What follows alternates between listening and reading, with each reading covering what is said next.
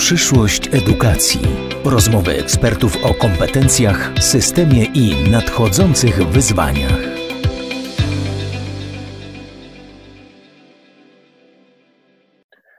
Zapraszam serdecznie na kolejny podcast pod znaku Open Eyes Economy. Ja nazywam się Bartłomiej Biga i mam przyjemność rozmawiać z ludźmi, którzy mają coś ciekawego do powiedzenia o ekonomii wartości, tym razem konkretnie o edukacji. Te dwie rzeczy bardzo się wiążą.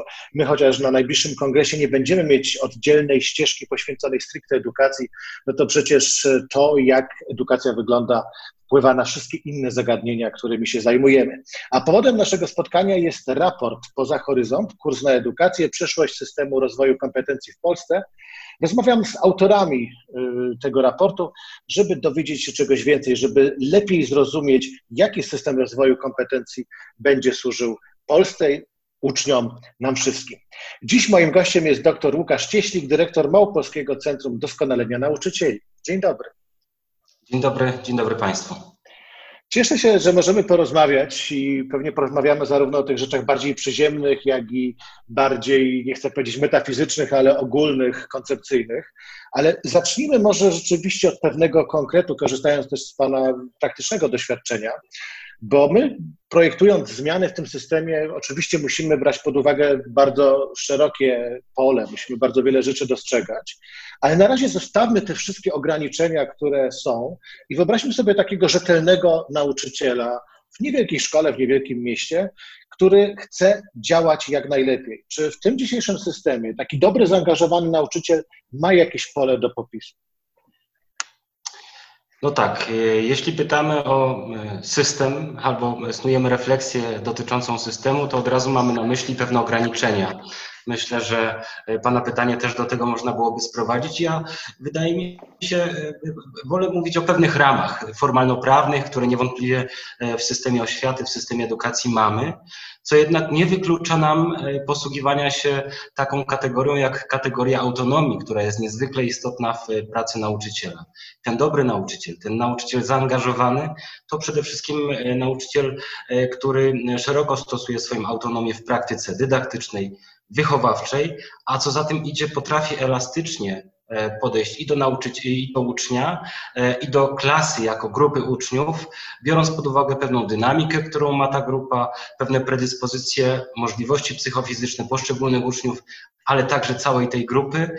E, autonomia to nie jest też puste słowo, to jest możliwość dobierania podręczników, szerzej, pomocy dydaktycznych, e, dostosowywania programów nauczania, ale myślę, że mm, to, co najistotniejsze i to, na co zwracamy uwagę w raporcie, to e, pewien zasób wrażliwości właśnie na ten relacyjny wymiar edukacji, na to, z kim tak naprawdę mamy do czynienia, kto jest po drugiej stronie. Mam tu na myśli uczniów i klasę jako grupę.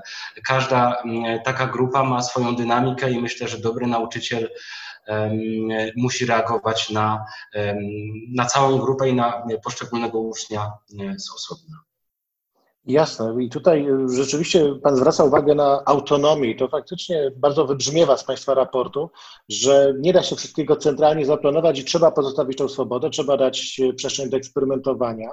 Natomiast zastanawiam się, czy ta autonomia dotyczy też kwestii wartości, aksjologii. Czy rzeczywiście, no bo nie, może, nie możemy się oszukiwać, że wszyscy nauczyciele w Polsce mają ten sam zestaw wartości, te same wartości są dla nich najważniejsze. W pewnym zakresie pewnie tak, ale też jest dużo różnic. I czy Pana zdaniem powinniśmy dopuszczać, powinniśmy się godzić na to, że w różnych szkołach, wśród różnych klas, w różnych, u różnych nauczycieli e, będzie edukacja występowała w oparciu o inny zestaw wartości? Mhm. No, dyskusja o systemach wartości to faktycznie e, trudna dyskusja. Myślę, że e, ja jestem e, zwolennikiem takiego podejścia, by szukać tego, co nas łączy. Mówmy się, że jest pewien zespół wartości autotelicznych, wartości sensotwórczych, które są dla nas wspólne, wspólne dla nas wszystkich. To jest dobro publiczne, to jest odpowiedzialność, to jest wolność, to jest kwestia właśnie samostanowienia, autonomii, która jest nie tylko ważna w kontekście pracy nauczyciela, ale także tego, czego chcemy uczyć młode pokolenie.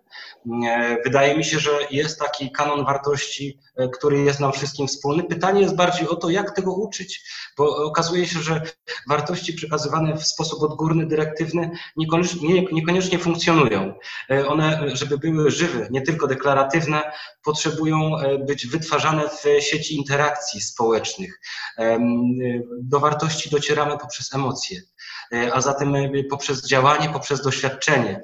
Pytanie, najistotniejsze wydaje mi się w edukacji, główne zadanie, to odnalezienie sposobu na kreowanie takich sytuacji edukacyjnych, które dałyby możliwość doświadczenia, e, zdobycia już nie tylko wiedzy, ale też e, doświadczenia aktywizującego właśnie emocje i warstwę aksjologiczną. Wtedy dużo łatwiej nam zrozumieć, czym jest odpowiedzialność, e, czym jest sprawiedliwość, kiedy sami doświadczamy tego w sieci interakcji pomiędzy uczniami, pomiędzy uczniami a nauczycielami. Nie możemy, nie możemy zapominać tutaj o tak ważnym podmiocie, jakim są też rodzice. Mhm. I rzeczywiście dużo się mówi o tym, czego rodzice oczekują od szkoły, od nauczycieli, to czasami wręcz przybiera karykaturalne formy. Natomiast odwróćmy teraz to pytanie. Czego nauczyciele oczekiwaliby od rodziców? Bo to, że musi być współpraca, to jest zupełnie oczywiste. Natomiast y, o tym się mówi znacznie mniej, że żeby tutaj były sukcesy na polu tym budowania kompetencji, w ogóle rozwoju młodego człowieka, potrzebna jest dobra współpraca szkoły z rodzicami. No to teraz zastanówmy się, czego nauczyciele Pana zdaniem powinni albo w ogóle oczekują od rodziców, y, żeby rzeczywiście móc dobrze realizować swoje zadania? No myślę, że przede wszystkim takiego partnerskiego podejścia. Myślę, że e, oczekują tego, że rodzice będą w pełni z zaufaniem podchodzić do pracy nauczycieli e, i też e, z pełnym szacunkiem, bo to jest rzecz nieodzowna, taka, która daje nam fundament tego, żeby budować dobre relacje, tak jak powiedzieliśmy sobie, tych niezwykle ważnych podmiotów, które są kluczowe dla rozwoju młodego pokolenia.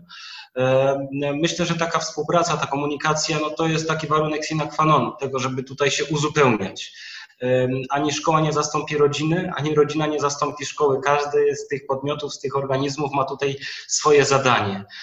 Myślę, że to są główne oczekiwania. To, co jest jakimś niebezpieczeństwem, wydaje mi się, i też znakiem naszych czasów, to to, że te takie indywidualne strategie związane z pewnym parciem na sukces, e, one są wynikiem pewnej presji e, rodziców. E, tutaj e, myślę, że w zderzeniu, e, w konfrontacji ze szkołą rodzice muszą sobie o wiele głębiej uświadamiać te kwestie związane z tym wyważeniem tego, co indywidualnie ważne, co może być indywidualnie mm, sukcesem no, ich dzieci, czyli tego, tego człowieka, który jest dla nich najważniejszy, a tym, co jest wspólnotowe. Ta równowaga jest niesłychanie istotna i myślę, że ta współpraca powinna dążyć do takiej równowagi. Myślę, że Pan tutaj bardzo ważną kwestię presji i tego wiążącego się z nią stresu, E, z jednej strony przecież wszyscy chcielibyśmy, żeby w szkole panował dobrostan, to w ogóle słowo klucz także w ekonomii, a z drugiej strony też mamy świadomość, że rozwój jest możliwy tylko wtedy, kiedy wyjdzie się z pewnego komfortu, kiedy pojawi się pewna niepewność, pojawi się jakaś niepewność, kiedy y, pojawią się okoliczności no jednak w pewien sposób stresujące. Gdzie Pana zdaniem leży równowaga między rzeczywiście spokojem i dobrostanem y, takim, którego można przecież oczekiwać szczególnie dla młodych ludzi, a tym twórczym pobudzeniem do czegoś nowego, do kreatywności? Mhm. Ja, ja myślę, że to jest bardzo ważne pytanie. Jeśli miałbym szukać odpowiedzi na to pytanie, to musiałbym na wstępie zaznaczyć, że by rozwój był możliwy, potrzebny jest jednak pewien absolutnie poziom bezpieczeństwa.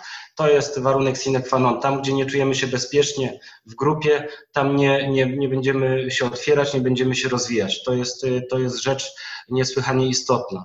E, wydaje się, że czasem możemy mieć takie złudne wrażenie, analizując chociażby e, wyniki badań PISA ostatnich z 2019 roku, że no jest świetnie. Polscy piętnastolatkowie osiągają wyniki bardzo dobre, jeśli chodzi o porównanie tych wyników e, z ich rówieśnikami z zagranicy, z Europy Zachodniej. W kontekście rozumowania matematycznego, w kontekście rozumowania właściwego dla nauk przyrodniczych. Natomiast gdzieś tam z tyłu na którejś stroniczce jest zapisane, że jeśli pytamy polskich uczniów o to, jak oni się czują, czy czują się w szkole komfortowo, czy czują się bezpiecznie, czy czują się, że przynależą do pewnej wspólnoty, e, czy mają w sobie ten zasób, który pozwala im mm, e, znosić stres związany też z porażkami, no to okazuje się, że tutaj jesteśmy na samym dole klasyfikacji. I tu jest pytanie. E, więc to, ten poziom bezpieczeństwa to powinien być w tej chwili absolutnie priorytet, jeśli chodzi o też szerszy kontekst. Kontekst późniejszych wyników, późniejszych efektów, sukcesów w życiu osobistym, zawodowym tego pokolenia, które teraz jest w szkole, które tak popularnie nazywamy pokoleniem 15-latków tych dzisiejszych. Właśnie, bo ci, którzy nie dowierzają albo umieszają wynikom e, z testów PISA, e, twierdzą, że to obejmuje tylko pewien fragment e, kształcenia, budowania kompetencji, gdzie rzeczywiście polska szkoła jest dobra, ale na przykład pomija kwestię budowania kapitału społecznego i że wiele słabości, które przypisuje się naszemu społeczeństwu, wynika właśnie z niedostatków szkoły. Czy zgadza się Pan z takim stwierdzeniem? Ja myślę, że y, odpowiadając na to pytanie, powiedziałbym tak. Szkoła jest pewnym mikroświatem, który jest odzwierciedleniem tego, czym y, i gdzie jesteśmy jako my, jako społeczeństwo. Y, my w raporcie przy, przytaczamy też tezy diagnozy społecznej z 2015 roku, gdzie jasno podkreślamy też pewien nasz atut, to, że zdolność do rozwijania kapitału intelektualnego w tym indywidualnym wymiarze opanowaliśmy prawie do perfekcji, ale to nie wystarczy. E, jesteśmy na takim etapie rozwoju społeczno-gospodarczego, kiedy będziemy chcieć utrzymać poziom dynamiki rozwoju społeczno-gospodarczego, musimy w sposób znaczny przełożyć naszą pracę, naszą siłę, naszą energię na wzmocnienie kapitału społecznego. To będzie ten niesłychanie istotny zasób, e, właśnie związany z wymiarem życia wspólnotowego, który będzie się przekładał także na wyniki społeczno-gospodarcze. E, I tutaj mm, e, przemożna jest rola szkoły. E, właśnie wzmocnienie kapitału społecznego, czyli umiejętności współpracy, czyli umiejętności komunikacji, tej wrażliwości, o której wspominaliśmy na początku naszej rozmowy, na dobro publiczne, partycypacji społecznej, brania odpowiedzialności za siebie, ale też za swoje najbliższe środowisko lokalne, budowanie partnerstw. To wszystko oparte na tej aksjologii, o której też mówiliśmy, będzie będzie spajać tkankę społeczną i pozwoli nam osiągać lepsze wyniki także w tym kontekście ekonomicznym. Rzeczywiście, i żeby to wszystko mogło się wydarzyć, potrzebna jest, jak Państwo piszą w raporcie, odbudowa prestiżu zawodu nauczyciela. To jest warunek konieczny poważniejszych, dobrych zmian w edukacji. Co musiałoby się stać, żeby ten prestiż został odbudowany, poza oczywiście finansowym wymiarem, bo to pewnie jest bezdyskusyjne. Natomiast podejrzewam, że znowu same finanse nie wystarczą do tego, żeby nauczyciel cieszył się takim prestiżem, o jaki Państwo się dopominają. Oj, tu jest kwestia bardzo złożona i bardzo różne strategie są stosowane. Wielka Brytania w ciągu kilku lat zbudowała prestiż nauczyciela poprzez kampanie marketingowe. Myślę, że na naszym gruncie przeszczepienie takiego wzorca postępowania jest możliwe, ale nie wiem, czy przyniosłoby pożądane skutki. No podniesienie wynagrodzeń dla nauczycieli tak, owszem, ale tak jak wiemy z badań, z analiz, z różnych raportów, nauczyciele wybierają swój zawód nie tylko ze względu, albo nie tylko pomimo zarobków, które są gwarantowane, a później świadczeń emerytalnych. Ja myślę, że podniesienie jakości kształcenia nauczycieli, podniesienie jakości e, doskonalenia zawodowego, to jest też ten atut, który będzie sprzyjać temu, że będziemy mieli do czynienia w finalnie ze, zjawiskiem takiej pozytywnej selekcji do zawodu. Myślę, że te akcje promocyjne mogłyby być e, wsparciem, natomiast takie rozwiązania systemowe, o których wspominałem, są niezwykle ważne. E, to doskonalenie, to kształcenie e, i to, o czym wspominaliśmy na początku rozmowy, szukając też tego partnerstwa między rodzicami a nauczycielami, ten szacunek, zwykły szacunek człowieka do człowieka, myślę, że też jest niesłychanie istotny i takie też odniesienie z zaufaniem do pracy nauczycieli, do ciężkiej pracy. Y, to też jest czynnik, który niewątpliwie będzie sprzyjał wzmocnieniu mm, tego prestiżu zawodu nauczyciela, który jest czymś dzisiaj nieodzownym i odbudowanie tego prestiżu w równym stopniu, wydaje mi się, jest po stronie systemu, jak i samych nauczycieli. To jest ta autonomia, to jest ta inicjatywność, to są te kompetencje przyszłości, o których mówimy też e, w, mówiąc o przywództwie edukacyjnym. E, od przykładu, od doświadczenia, od tego, jak my się zachowujemy, mm, zależy bardzo wiele w naszym życiu i w tym wypadku także od nauczycieli. Do tej pory koncentrujemy się głównie na szkole, zresztą nie powinno to dziwić, ale spróbujmy na chwilę opuścić jej mury i popatrzeć na to budowanie kompetencji szerzej. Na przykład edukacja domowa. Czy Pana zdaniem to jest kierunek, który będzie się rozwijał czy powinien się rozwijać? Czy to może stać się istotnym elementem tego systemu budowania kompetencji u młodych ludzi? Ja myślę, że e, jeśli bierzemy pod uwagę E, to, że szkoła dzisiejsza, szkoła ma funkcję nie tylko dydaktyczną, wychowawczą, ale i opiekuńczą, to gdzieś e, będziemy mieć do czynienia z edukacją domową, ale ja nie jestem przekonany, by to rozwiązanie mogło być stosowane na szerszą skalę.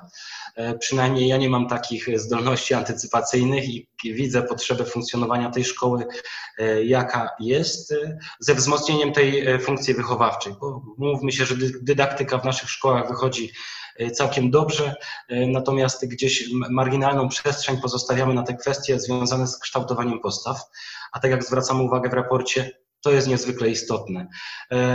Kwestia, e, która się z tym wiąże, tak żeby umocować swoją wypowiedź, myślę, że doświadczenie mm, edukacji zdalnej, z którym mieliśmy do czynienia od marca do końca roku szkolnego, pokazało nam pewien deficyt związany właśnie z dobrostanem uczniów który bezpośrednio wynikał e, z ich stanem psychicznym, który bezpośrednio wynikał z izolacji społecznej.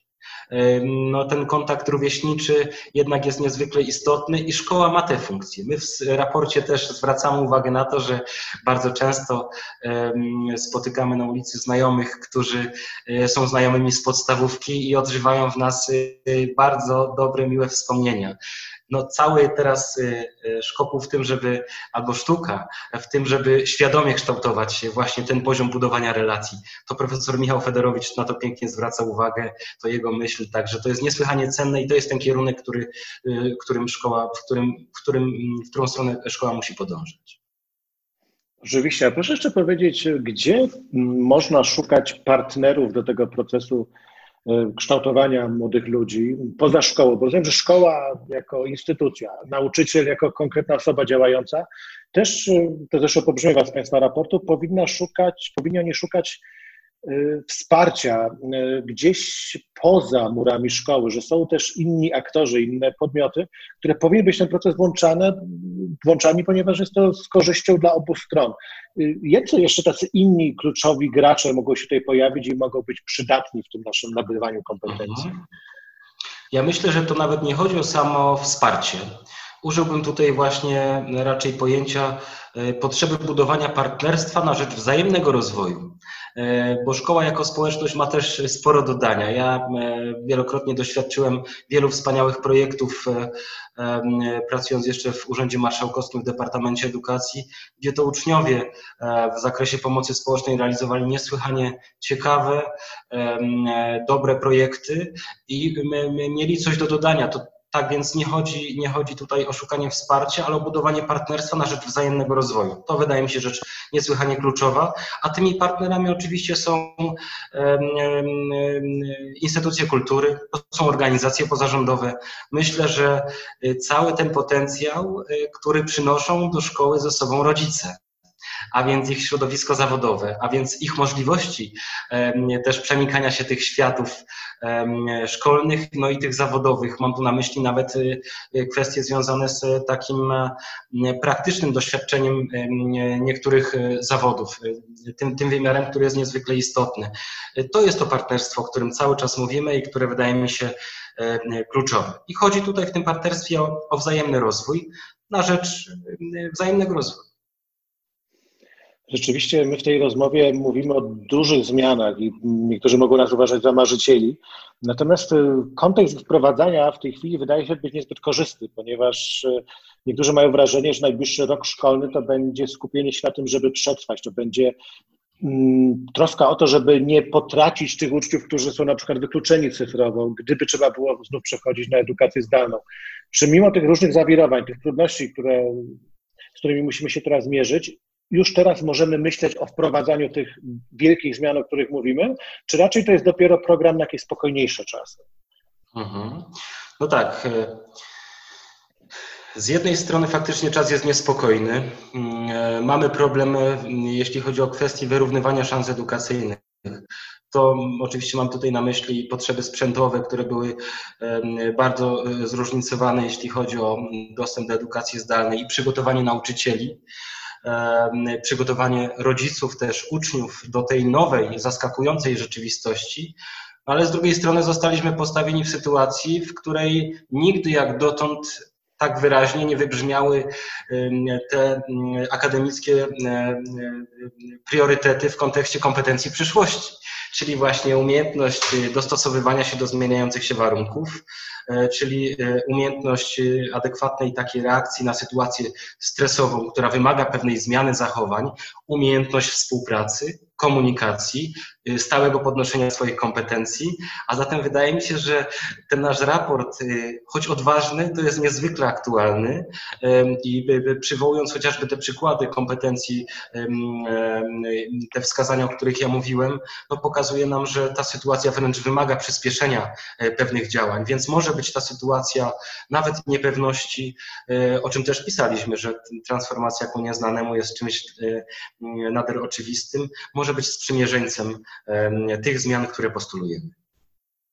Oczywiście. I na koniec chciałem, panie doktorze, prosić o wskazanie trzech najważniejszych kompetencji, które powinna kształtować polska szkoła. Oczywiście myśląc w kontekście przeszłości, nie nawet tych, które będą potrzebne dzisiaj, ale tych, które będą potrzebne za kilka lat. Ja myślę, że takim metapojęciem, metakategorią, metawartością jest dla mnie pojęcie odpowiedzialności. E, i to w wymiarze indywidualnym i w tym wymiarze społecznym. E, to kształtowanie postaw w oparciu o e, wartość, jaką jest odpowiedzialność, jest niezwykle istotna, bo to nam też porządkuje kwestie związane z wolnością. Myślę, że też umiejętność współpracy to jest niesłychanie ważna, ważna kwestia, kwestia związana z, rozwoje, z rozwijaniem umiejętności komunikacyjnych, E, ale też e, e, czymś bardzo ważnym jest ta umiejętność, zdolność adaptacji do tych warunków, które okazują się być nie tylko dla nas nieznane jeszcze, jeśli mówimy w, o kontekście przyszłości, ale mogą być dla nas jeszcze mocniej zaskakujące niż ta sytuacja, z którą mamy do czynienia od marca 2020 roku. Tak więc no, to wydaje mi się, jeśli miałbym tak na szybko wymienić główne kategorie, które, które uważam za niezwykle istotne. Bardzo dziękuję. Osoby, które chciałyby więcej dowiedzieć się o tym, jak powinna wyglądać przyszłość systemu rozwoju kompetencji w Polsce, powinny zdecydowanie sięgnąć po raport Poza Horyzont Kurs na Edukację. Jednym z autorów tego raportu jest mój dzisiejszy gość, dr Łukasz Cieślik, dyrektor Małopolskiego Centrum Doskonalenia Nauczycieli. Bardzo dziękuję za rozmowę. Bardzo dziękuję panie doktorze, dziękuję państwu. I oczywiście do usłyszenia w kolejnych podcastach, bo do tego tematu będziemy wracać. Temat jest potężny, ważny, więc y, Open Eyes Economy nie może go lekceważyć. Będziemy jeszcze o tym mówić. Bartłomiej Biga, do usłyszenia. Nagrania są realizowane w ramach programu Dialog